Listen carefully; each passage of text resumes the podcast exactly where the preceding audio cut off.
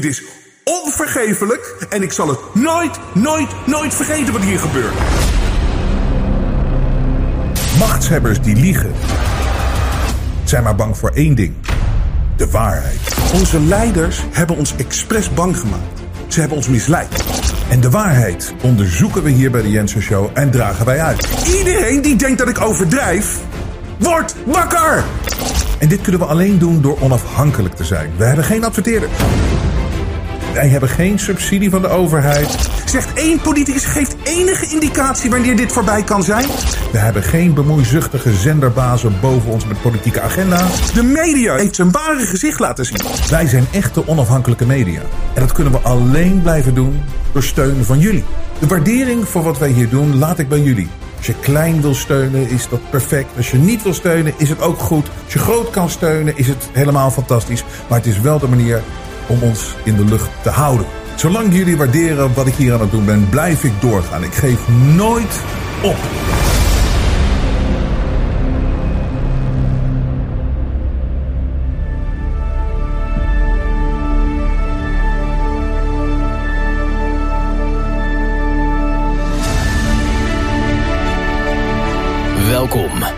strijders voor onze vrijheid en onze rechten, die zich nooit gek laten maken en rustig blijven. Dit is de Jensen Show. Robert Jensen.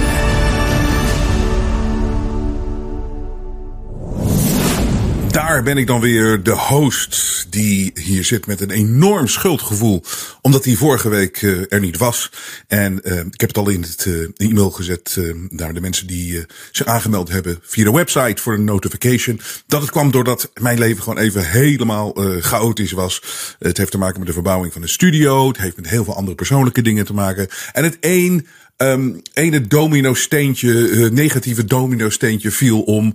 En uh, na de andere, want um, ook weer medewerkers die um, ook iets meemaakten. Persoonlijk, die dus, die ook wegvielen even een week. Het is een drama. En zoals je ziet, ik zit nog steeds niet in mijn vertrouwde studio. Dus het is nog steeds even behelpen. En je weet niet, ik, ik, ik, ik wil niet klagen, maar het is chaos. En dan merk je natuurlijk ook weer in zo'n omstandigheid dat die kuch van een aantal weken geleden, die komt dan weer terug. Nou, ik hou op met klagen nu. Want ik wilde kosten wat het kost vandaag een show doen. En we zullen wel zien hoe lang ik het kan volhouden. En hoe lang het lukt vandaag. En hoe snel we hem kunnen uploaden. Maar de chaos die ik even meemaak, ik bedoel, het is tijdelijk. En er is niks ernstigs aan de hand. Dus dat is het positieve aan het hele verhaal. Het is gewoon eens iets van logistiek. Het is, en, het, het, ik ben geen grote fan van Robbie Williams. Ik heb hem natuurlijk een aantal keren geïnterviewd in mijn tv-programma in de radioshows, Robbie Williams. En hij heeft zo'n nummer waar één zin in zit die ik wel heel erg goed vind. I sit and talk to God. I sit and talk to God. And he just laughs at my plans. Met andere woorden, Soms kan je zoveel plannen hebben. Je denkt dat je het allemaal zo goed georganiseerd hebt. En dan gebeuren er gewoon dingen. En het valt even helemaal anders uit. En waar wij nu in terecht zijn gekomen is. En dan heb ik het niet over mijn kleine persoonlijke dingen, wat, gewoon tijdelijk is. Maar wat me dan wel opvalt, als je zelf even door zo'n chaotische tijd gaat. Ik word weer. Het, het is zo overduidelijk in wat voor chaos we in de wereld geplaatst zijn. Het is complete chaos. Iedere keer als je ook maar iets van het nieuws volgt. Het is alleen maar negativiteit. Het is alleen maar chaos. We zijn net uit 2,5 jaar van die corona-nonsens heen. Wat natuurlijk eh, een bizarre tijd is. Gecreëerde chaos. Want daar kom ik zo op. Dit is namelijk niet Gods zijn plan. Dit is gecreëerde chaos. Dit is gecreëerd door mensen, schuine streep, griezels, zoals ik ze noem. Het is gewoon puur theater op een bepaald vlak, maar wel met enorm veel consequenties. Het is gaaf. Het is nu zo, wat is nu weer met Hak aan de hand? Hak gaat nu stoppen met het produceren in het uh, begin van volgend jaar. Voor een maand of vier. Omdat de energierekening te hoog is. Snackbarren sluiten omdat het allemaal te duur wordt. Heel veel businesses staan om omvallen omdat de elektriciteit te duur wordt. Wat een chaos. Chaos op chaos op chaos op chaos op chaos. Dan hebben we nog de boeren, dan hebben we nog de stikstof. Het, het, het houdt niet op. En het belangrijkste is om altijd in de, in de, te, blijven begrijpen. Het grootste wat mensen moeten hebben geleerd van de afgelopen 2,5 jaar. Dat hoe de griezels die dit allemaal bespelen, om uiteindelijk tot een great reset te komen. Hè, want je kan alleen maar resetten als je alles kapot gemaakt hebt. Of zoveel chaos hebt gecreëerd. Dat mensen bijna wel smeken om een soort van redder. En zo zien deze mensen zichzelf dan ook. En die denken echt dat ze op een gegeven moment dat ze dan binnenkomen lopen. En dat ze dan hun fantastische plannen van een compleet gecontroleerde samenleving komen presenteren. En dat ze gezien zullen worden als helden. Zo, zo zien deze mensen echt, daar, daar werken ze naartoe, naar dat punt. Maar we moeten altijd blijven zien dat hoe zij werken, hoe zij denken, is dat het hoeft niet zo te zijn, het hoeft alleen maar zo te lijken. En dat is zo overduidelijk die afgelopen 2,5 jaar. Er was nooit een killer virus. Er was nooit een gevaar voor de volksgezondheid. Alleen ze konden het doen lijken. Door middel van natuurlijk het mediamapen. En door middel van gewoon een narratief beheersen en controleren. Dat mensen daadwerkelijk dachten dat er iets aan de hand was. En mensen hebben, dit was nooit op zo'n schaal gedaan. Dit was de grootste leugen die ooit verteld is. Waar het, de het voordeel daarvan is, is dat heel veel mensen dan na twee jaar of zo, zelfs de meest bruikbare idioot, zoiets heeft van: dit klopt helemaal niet. We zijn gewoon in de maling genomen. En dit zal ze verbaasd hebben dat er zoveel mensen nu door hun leugens heen kunnen zien. En het kunnen doorprikken. En dat is zo belangrijk dat we dat blijven doen. Het is, deze mensen proberen het narratief te controleren. En eigenaar zijn. En ze proberen eigenaar te zijn van het narratief. En dat doen ze natuurlijk door de controle in de media. Maar dat doen ze ook door uit te stralen dat zij de wetenschap zijn. En dat alleen wat zij zeggen, dat dat wetenschap is. En dat is natuurlijk helemaal niet waar. En censuur is natuurlijk heel belangrijk. Hè? Ieder tegengeluid moet gecensureerd worden. Zo straal je uit dat er dat wat zij vinden en hoe zij het zien en wat zij ook brengen als oplossing, dat dat de enige waarheid is. Dat dat de waarheid is. Ze claimen, maar het is niet meer dan een narratief. Sterker nog, het is het tegenovergestelde van de waarheid. Zij leven en zij creëren in een omgekeerde waarheidwereld. Het is voor ons zo belangrijk om weer in de waarheid te gaan leven. En dit doen wij hier al vanaf dag één. We zoeken altijd naar de waarheid. Um, het is het allerbelangrijkste om weer te claimen. Want er is een waarheid. En nou is die soms niet zo simpel meer te achterhalen, omdat er zoveel leugens verteld worden. En er worden zoveel spelletjes gespeeld, en voornamelijk met woorden en met definities. Kleine veranderingen van woorden, kleine veranderingen, kleine, kleine definitieveranderingen kunnen iets zo anders neerzetten. En daar zijn ze briljant in. Dat is ze daadwerkelijk een beetje creatief in. Maar het is niet meer dan een sluw spelletje. En als je het eenmaal ziet, dan prik je er doorheen. Maar die waarheid, ja, dat is een hele zoektocht soms. Maar we moeten daar naar terug. De aanval op de waarheid die nu plaatsvindt is zo gigantisch. Dat, dat het gevaarlijkste is waar we nu in zitten. Want het is gewoon theater wat je ziet. En zo moeten we het ook gaan bekijken. Bijvoorbeeld als je het nieuws ziet. Het enige wat je tegenwoordig moet doen, als je dat voorbij ziet, als je CNN nog eens een keer aanzet, of je kijkt de BBC, of je kijkt het 8 uur journaal. Het is een theatervoorstelling. Het is, zo moet je er naar kijken. En dan constant gewoon maar toetsen en zelf onderzoek doen van wat hier nou echt aan de hand is. Het, het, ik heb het vanaf dag 1 ook gezegd met het Rusland-Oekraïne verhaal. Het is theater waar we ingeplaatst zijn. Want we weten niet wat er aan de hand is. Er worden constant worden verhalen naar buiten gebracht. Kijk, ik zei het al van het begin. Ik geloof, ik, ik, ik, ik, ik vertrouw uh, Poetin niet. Ik vertrouw Zelensky niet. En ik vertrouw onze media niet. En ik vertrouw ons, westerse politici hierin ook niet meer. Want als ze hebben lopen roepen dat er weapons of mass destruction zijn in Irak. En daar hebben uh, aangehaald om een heel land te vernietigen als Irak. En dan ook nog, ja, ze hadden een link met 9-11, wat helemaal niet waar is. Als het Westen dat gedaan heeft, dan moet je toch iedere keer, als het Westen iets zegt over een oorlogssituatie, dan moet je toch kritisch zijn. En nou, nou is natuurlijk die gasleiding is opgeblazen. En het rare is, de, de, de, de, media, en het wordt een beetje onder, de, onder het tapijt geveegd. Wie heeft dat nou gedaan? Het enige is wat je weer ziet, en wat je ook ziet in de hele Kionenarigheid, en je ziet eigenlijk met alles. Wie is het grootste slachtoffer hiervan? Dat zijn wij in Europa. Dat zijn wij in het Westen. Alles, alles raakt ons het hardst. Dus, dus, dus wie, wil ons nou, wie wil ons nou eronder krijgen? Waar komt dat nou vandaan?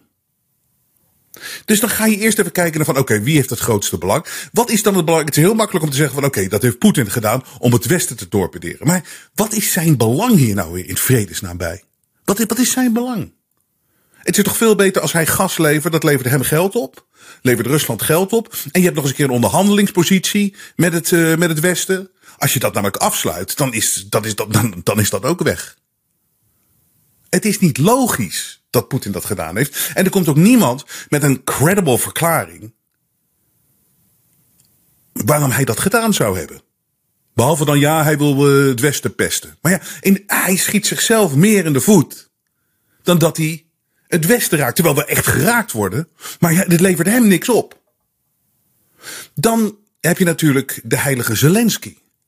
Zou die dat dan gedaan hebben? Ja, maar de Oekraïne, het is ongeveer het armste land van Europa. Zijn die zo goed dat zij daadwerkelijk daar die gaspijp, die leiding, daar helemaal, daar helemaal op de bodem van de zee, dat ze dat kunnen opblazen? Hebben ze die technieken? Kunnen ze dat? En de vraag is, wat is dan Zelensky's uh, doel? Uh, wij, om ons in het Westen, om Duitsland af te sluiten van gas?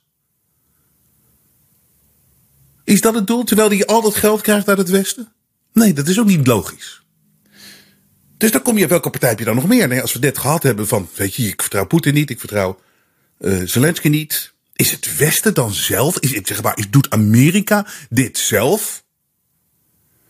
Nou ja, goed, dan heb je natuurlijk gewoon wat berichten en wat, uh, wat uitspraken van seniele Joe Biden. Die gewoon daadwerkelijk geroepen heeft van, weet je, die pijpleiding, die gaat weg.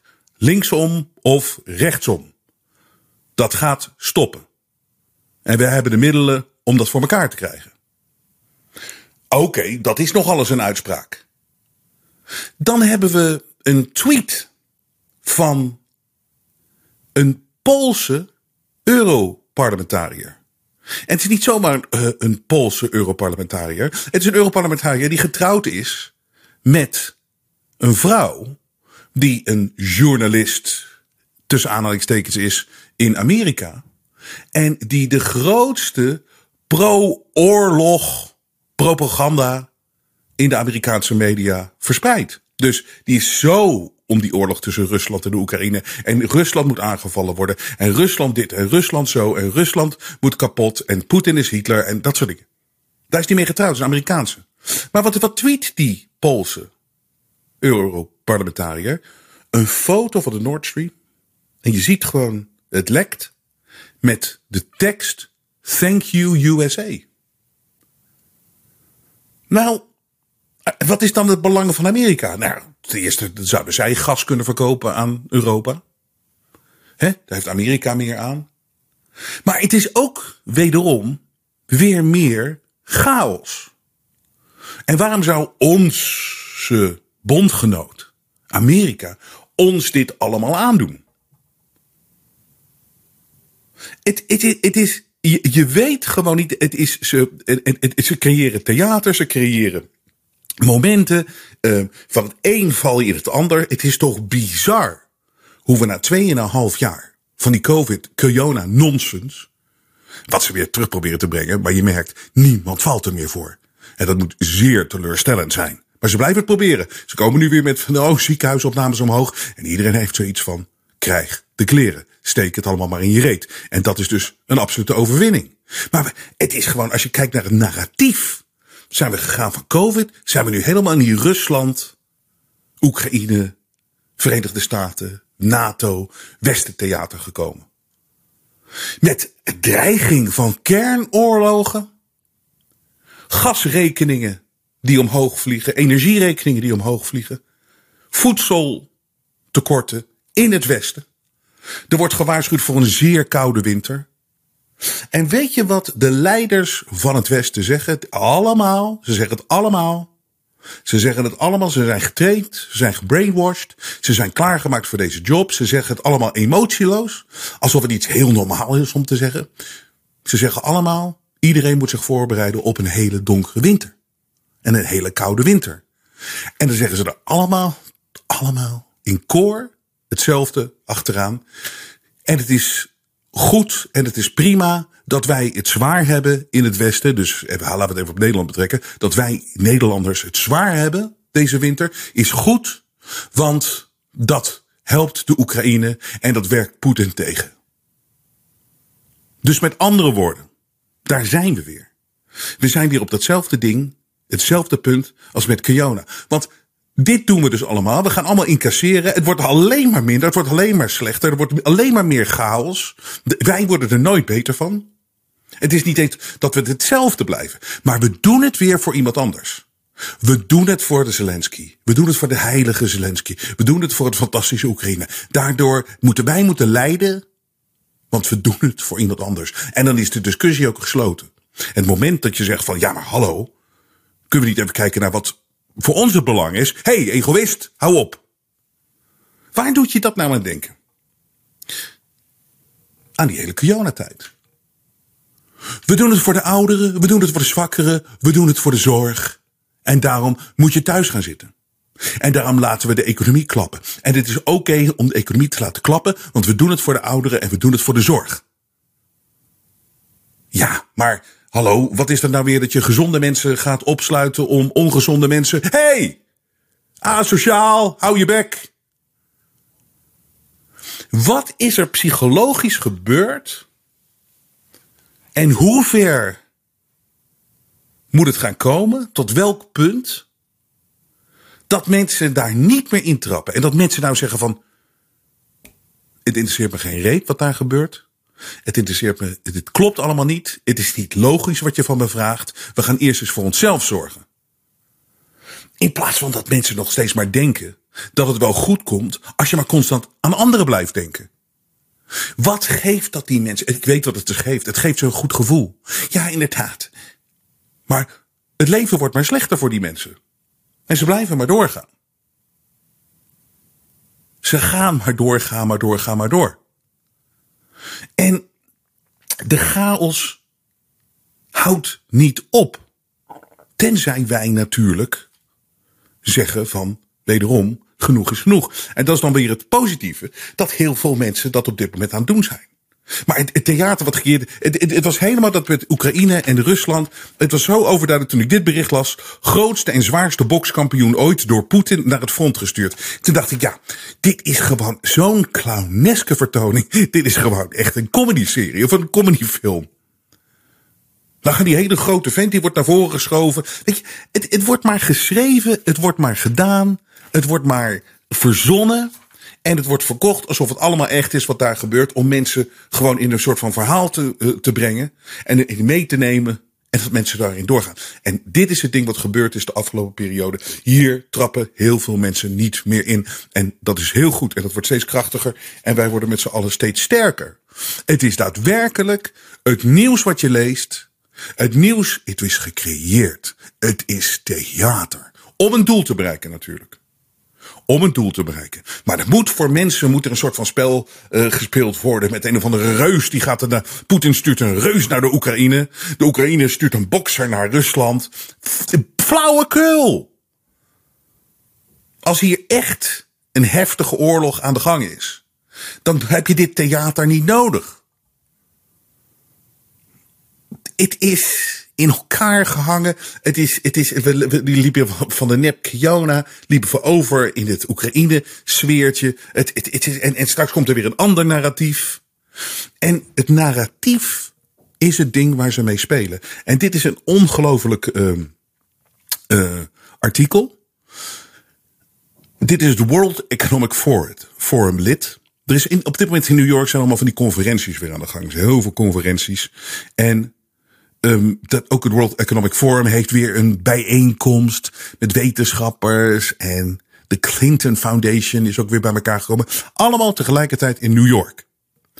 Maar de, dus de Verenigde Naties uh, heeft de, de, dit kwam ter sprake. Er was vorige week was er een panel van het Tackling Disinformation tijdens het World Economic Forum Sustainable Development Impact Meeting. Dat uh, samenwerkt met de Verenigde Naties. Dus dit is zo'n conferentie. Komen ze met z'n allen bij elkaar. Zo, hé, je hebt het wel gezien, zo'n hele grote zaal. En dan gaan ze heel zelfverzekerd praten over hun dingen. Heel zelfverzekerd altijd. En ik ga zo vertellen waarom ze zo zelfverzekerd zijn. We own the science. World Economic Forum lid schept op over partnership met Google om critici te censureren. Moet je eens horen. De Verenigde Naties hebben ook artsen en wetenschappers opgeleid en social media beïnvloeders ingezet om verhalen te bestrijden die door de elite als ongewenst worden beschouwd zegt ze. En lid van het World Economic Forum pochte over hoe de wereldwijde elite samenwerken met Google om informatie te censureren die ze niet leuk vonden. En beweerden dat ze de wetenschap bezitten. Ze bezitten de wetenschap. Ondersecretaris-generaal van de Verenigde Naties voor wereldwijde communicatie, Melissa Fleming, legde vorige week in een panel, wat, dat, wat ik net over had, Tackling Disinformation, tijdens het World Economic Forum Sustainable Development Impact Meeting, uit dat de VN samenwerkt met techreuzen zoals Google en TikTok om verhalen over bijvoorbeeld klimaatverandering en COVID te sturen. Weet je, zei ze, we werkten bijvoorbeeld samen met Google. Als je de klimaatverandering googelt, krijg je bovenaan je zoekopdracht allerlei VN-middelen, onthulde Fleming. We begonnen deze samenwerking toen we tot onze schrik zagen dat toen we klimaatverandering googelden, we ongelooflijk vervormde informatie bovenaan kregen. Ja, het ding is gewoon, er is natuurlijk geen klimaatverandering. Dus de eerste informatie die je krijgt is alle mensen die gewoon met feiten komen, dat, dat er geen reet van klopt. En dat het een hoax is zij onthulde verder, want zij is World Economic Forum lid ook, hoe wereldwijde elites samenwerken met Google om hun critici te censureren. We worden veel proactiever, ging ze verder. Weet je, wij bezitten de wetenschap en wij, wij bezitten de wetenschap, zegt zij gewoon. Terwijl de wetenschap is natuurlijk iets fluïde. Wetenschap is, ik zeg altijd over wetenschappers. Dan weet je dat mensen die zeggen van, oh, ik, ik, ik, ik, ik, ik geloof in de wetenschap. Nou, één ding is als je een echte wetenschapper bent, dan leer je iedere dag hoe weinig je weet. En iedere keer als je weer achter iets komt, dan, denk, dan weet, weet je, oh, ik, ik weet er eigenlijk nog veel te weinig van. Wetenschap wordt als een soort van feit neergelegd. Zo van, het is zo, dit is de wetenschap. Maar de wetenschap is natuurlijk constant onderzoekend. En er zijn verschillende ideeën en er zijn verschillende meningen. Maar het is voor hun zo belangrijk om dus de politici te controleren, ze moeten de media controleren en ze moeten de wetenschap controleren. En zij vindt dus dat ze daar al zijn. Wij bezitten de wetenschap. En we denken dat de wereld, weet je, het zou moeten weten. En de platforms zelf ook. Maar nogmaals, het is een enorme, enorme, enorme uitdaging. Waarvan ik denk dat alle sectoren van de samenleving heel actief moeten zijn. Fleming heeft een project beschreven dat als Team Halo wordt beschouwd. Waarbij de VN-wetenschappers en artsen op TikTok heeft opgeleid in negatieve controle.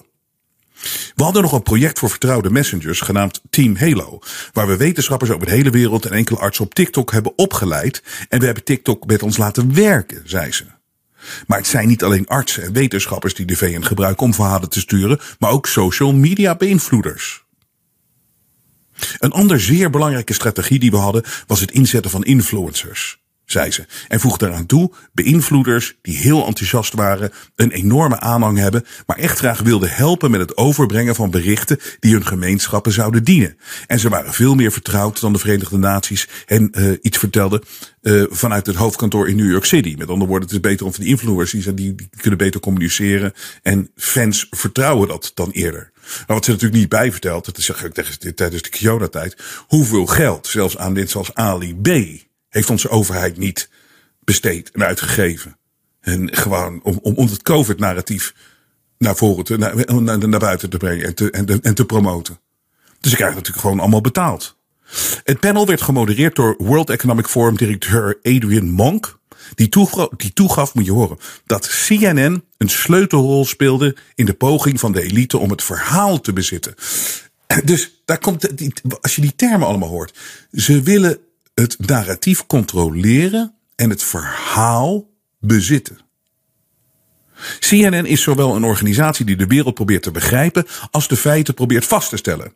Het maakt ook deel uit van een politieke oorlog over wie de eigenaar is van het verhaal, zei hij dit sinistere, door het World Economic Forum geleide censuurinitiatief loopt parallel met een ongrondwettelijke censuurcampagne die door de Amerikaanse regering in eigen land wordt gevoerd door samen te werken met derde partijen om Amerikaanse opvattingen over alles van COVID, desinformatie tot verkiezingintegriteit te flaggen.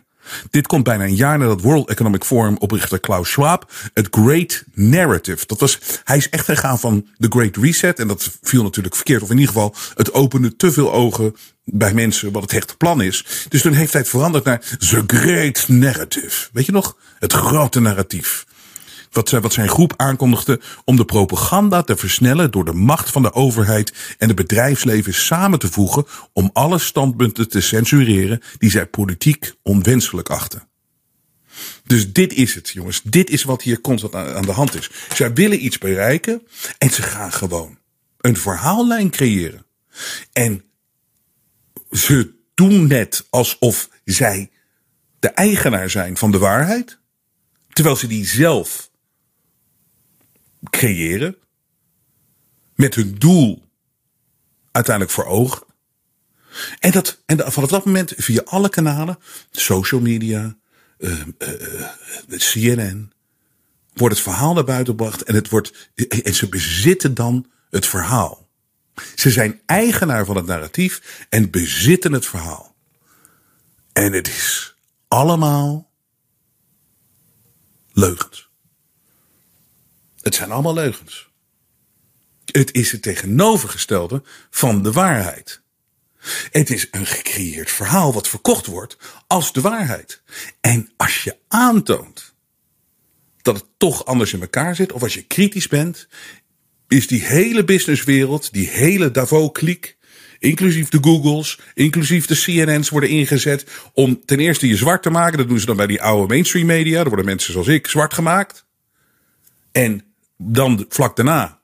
Als je denkt dat je lekker op YouTube kan broadcasten. Nee, natuurlijk word je daar ook dan meteen gecensureerd. Dan word je vanaf gehaald. En dat gaat sneller dan ooit tevoren. En ze willen dit helemaal in de hand. De informatie, het krijgen van de juiste informatie is zo ongelooflijk moeilijk tegenwoordig. En het wordt alleen maar moeilijker gemaakt. Dus ik wil je bedanken. En daarom voel ik me ook zo schuldig als ik even zo'n zo week als vorige week. Jullie houden ons in de lucht. Gewoon door donaties. Daardoor kan ik het op mijn eigen platform doen. Wat ook steeds duurder wordt natuurlijk. Dat eh, met alles. Met eigen videospelers, met alles, met een, een, eigen infrastructuur. Dat is zo belangrijk, want anders kan je hier niet meer over praten. En het ding is, zij zijn nu zo arrogant en ze zijn zo zelfverzekerd dat ze er nu zo openlijk over praten. Dat ze gewoon echt zeggen van ja, wij zijn eigenaar van de wetenschap en alleen wat wij vertellen, dat mag gehoord worden. Wij willen eigenaar zijn van het narratief en wij zijn gewoon het verhaal. Wij zijn de waarheid. En ze dulden geen kritiek. En ik vind al zo dat wilde ik nog het punt maken. Wat ik, eh, dat, zij komen in zo'n conferentie, je ze allemaal tot bij elkaar zitten. Zo'n grote zaal. Met hele vervelende mensen allemaal. Maar die mensen zijn er allemaal zo uh, zelfverzekerd aan het praten. En waarom is dat? En waarom is die zaal zo groot? Dat is voor deze mensen om te denken. Zie je wel, dit is zoals het is. Want moet je kijken, ik zit zo'n hele grote zaal. Iedereen zit ja te knikken. Of in ieder geval iedereen die neemt aan dat wat, wat ik hier zeg, dat dat, uh, dat dat zo is. Ik krijg applaus aan het begin en aan het eind. Mijn mede-panelleden zeggen precies hetzelfde. Ja, inderdaad. We moeten het narratief moeten wij controleren. Wij moeten de eigenaar zijn van het nieuws. En wij zijn eigenaar van de wetenschap. En het, het gaat maar door en door. Ze zitten daar zo zelfverzekerd te praten. Binnenkort uh, je telefoon, die wordt gewoon geïmplementeerd in je, in je nek. Of ergens in je lichaam. Want dan word je altijd, uh, hè, dat is gewoon handiger. En sowieso met uh, alles, andere plannen digitaal uh, die we hebben. Zo gaat het gewoon gebeuren. En zie iedereen op dat panel, zie je zo ja, ja, ja. Mensen in de zaal, waarschijnlijk 80% die, die zijn in slaap gevallen of weet ik veel wat allemaal. Maar het lijkt net tijdens dit soort sessies dat de hele wereld, en dat het gewoon zo is. Dus daarom kunnen die mensen, en de Rutters, die zitten daar natuurlijk ook gewoon te luisteren. En die denken van, weet je, die domboos. Die denken van, oké, dit is dan waar de wereld naartoe gaat. Ja, als ik hier zo hoor van hoe het allemaal zo gaat. Oké, daar gaat het naartoe. Oké, ja goed, dat, dat, dat daar gaan we dan gewoon naartoe. Terwijl die miljarden mensen, die natuurlijk getroffen worden door de plannen van deze griezels. De miljarden mensen, die zijn hier nu doorheen aan het prikken. En jarenlang hebben ze dit zo op deze manier kunnen doen. Jarenlang hebben ze zo kunnen bespelen vanuit de schaduw. Deze doodenge griezels. Maar wat zou het toch heerlijk zijn als je een eerlijke media zou hebben? Nou, we weten natuurlijk de tegengas wat uh, nou, bijvoorbeeld ik heb gekregen in het begin heel heftig en uh, nog steeds natuurlijk. En het ding is, ik kan alles kan ik verantwoorden. Alles wat over Kiona is gegaan, alles hoe we het vanaf dag één hebben gevolgd met z'n allen. Hè? En uh, de, heel veel mensen in de audience hebben het ook meegedaan. De Jensen journalisten hebben ook fantastisch werk gedaan. Maar wat zijn we zwart gemaakt? En nu is er is nu.nl, dan is er een hoofdredacteur, die heet Gert Jaap Hoekman. En uh, dat is ook zo'n griezel natuurlijk. Die ziet eruit als zo'n griezel. Nou, en dat is zo, dat, je, je kan alleen maar hoofdredacteur worden van dit soort nieuws uh, sites of nieuws um, of kranten. Als je, als je eruit ziet als een griezel. Weet je nog die Hans Nijenhuis van AD? Die gekke Jansen van Telegraaf. Allemaal van, die, van deze mannetjes. Alleen, alleen op die manier kom je daar. Beetje bange, angstige mannetjes. Weet je. Ja, ik doe mijn baantje. Ik wil gewoon mijn baantje houden. Dus ik loop wel mee met negatief. Of ze hebben ook een ideologische uh, kant natuurlijk. Die zit er natuurlijk ook bij. Maar het zijn niet stevige ondernemende, intelligente mensen, echte journalisten, die zouden zeggen van, weet je wat wij gaan doen? Fuck de overheid narratief, fuck Davos narratief, fuck alles. Wij gaan voor de waarheid. En dat maakt er geen reet uit. En ook de eigenaar van de krant kan me geen reet interesseren. Wij staan hier voor de waarheid. Maar nee hoor. dus dat hebben we natuurlijk heel, heel duidelijk gezien tijdens die Kiona-tijd. Nou heeft nu.nl daadwerkelijk, en dat is best interessant, lessen van corona. Nu.nl kan kritischer en persoonlijker. Op zondag blinkt nu.nl terug op de week. Deze week schrijft hoofdredacteur Gert-Jan Hoekman over wat we hebben geleerd van de fouten in onze berichten over corona. Nu.nl was tijdens de coronacrisis onpersoonlijk. Voor verhalen van gewone mensen was weinig ruimte. Dat was er wel voor de overheid, het RIVM en verschillende belangenverenigingen. Daarmee kan nu.nl de indruk wekken dat het dichter bij de institutie staat dan bij de samenleving. Dit zegt dan Frits van Ekster. Oh nee, nee, dat is Gert-Jan Hoekman niet heeft gezegd. Oh nee, dat concludeert Frits van Ekster. Die heeft een onderzoek, gedaan naar uh, de corona-berichtgeving. Dit heeft nu.nl gevraagd, dus die Frits van Ekster die heeft onderzoek gedaan. De voorzitter van de Raad voor Journalistiek en oud-hoofdredacteur van Dagblad, de Dagblad Trouw sprak met redacteuren. En hij las, bekeek en beluisterde onnoemelijk veel. Ik heb van Ekster gevraagd, dit zegt dus de hoofdredacteur van nu.nl, om dat te doen omdat we moeten leren van onze fouten.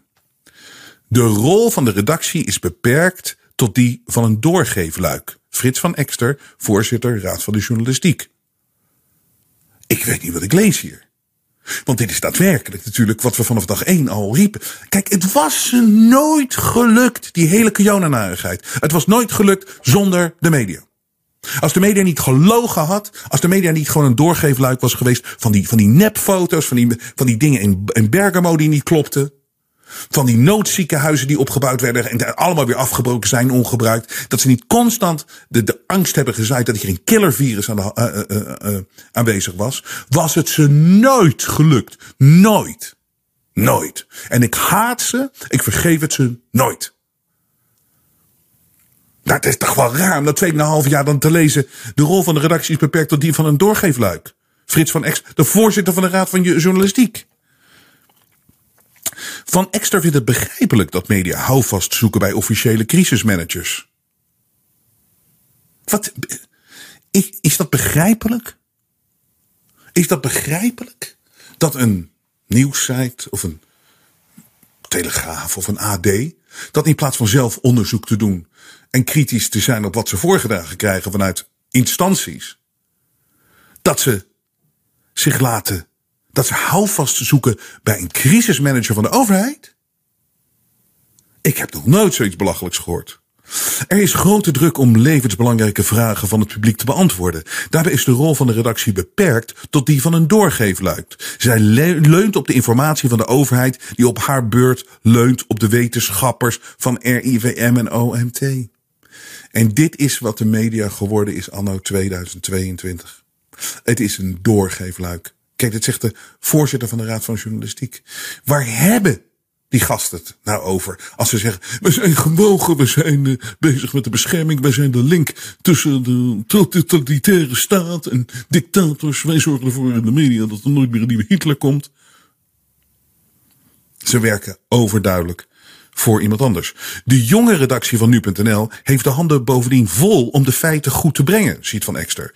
Ze bestrijdt desinformatie en vermijdt koppen die meer beloven dan ze waarmaken. In de gezondheidscrisis is dat van het grootste belang. Maar naarmate het langer duurt, is een grotere variatie in onderwerpen en invalshoeken en ruimte voor kritische tegengeluiden voorstel, voorspelbaar. Oh, voorstelbaar.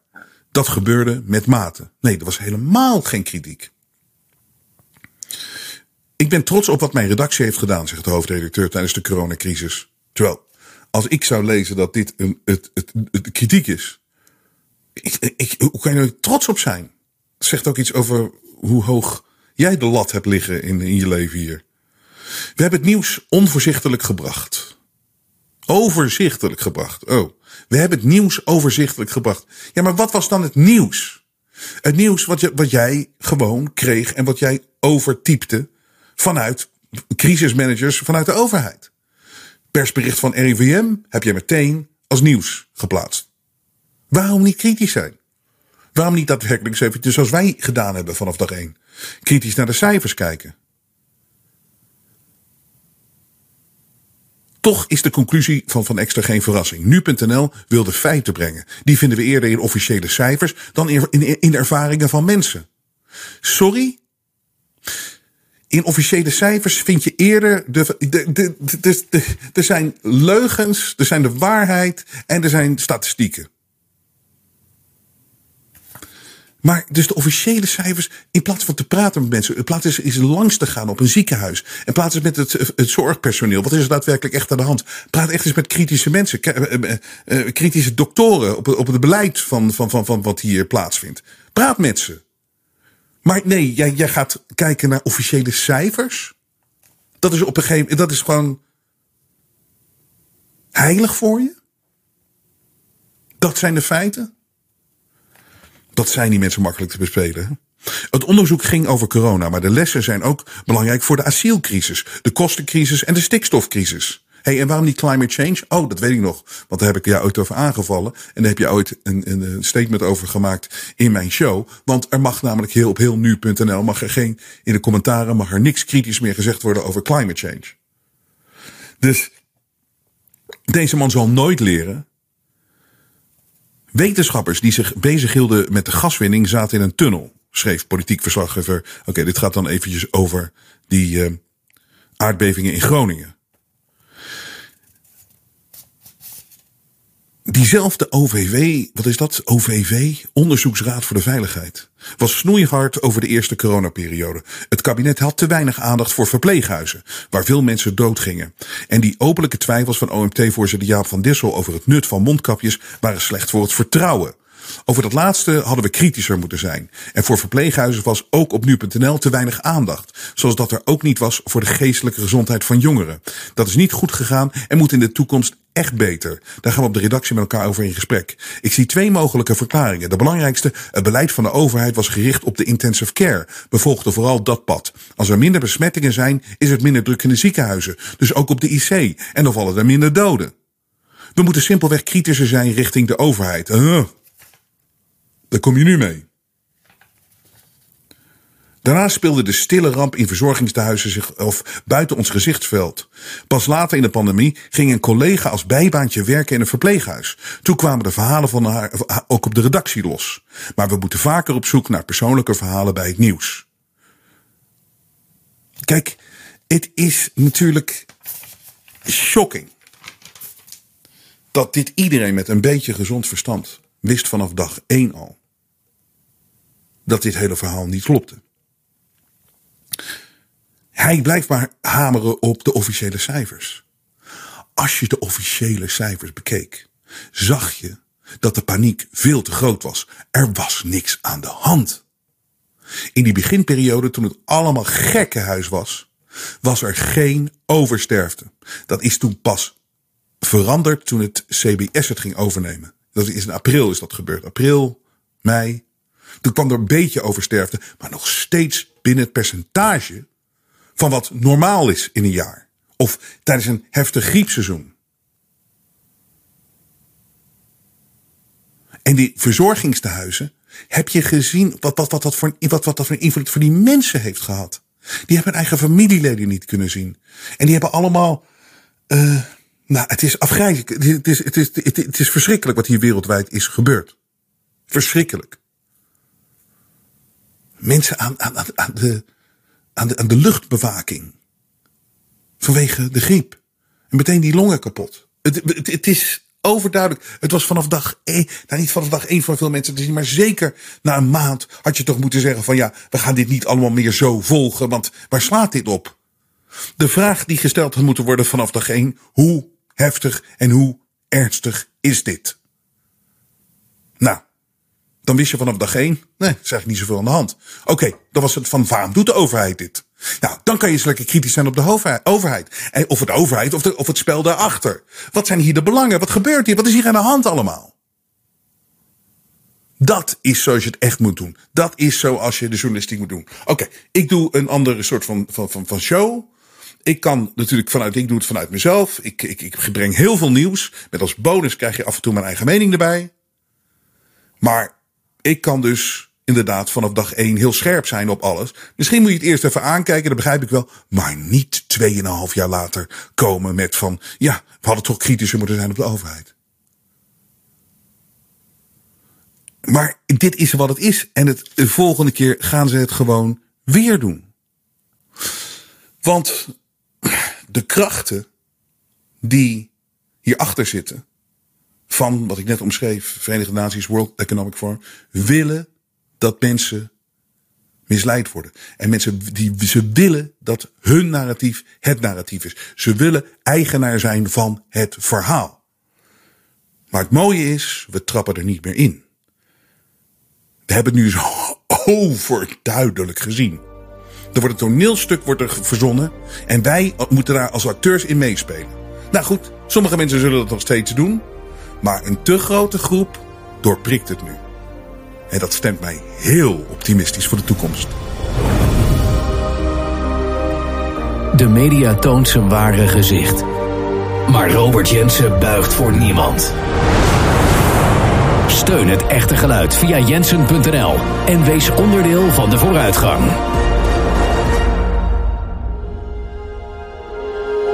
Het vrije geluid laat zich niet censureren.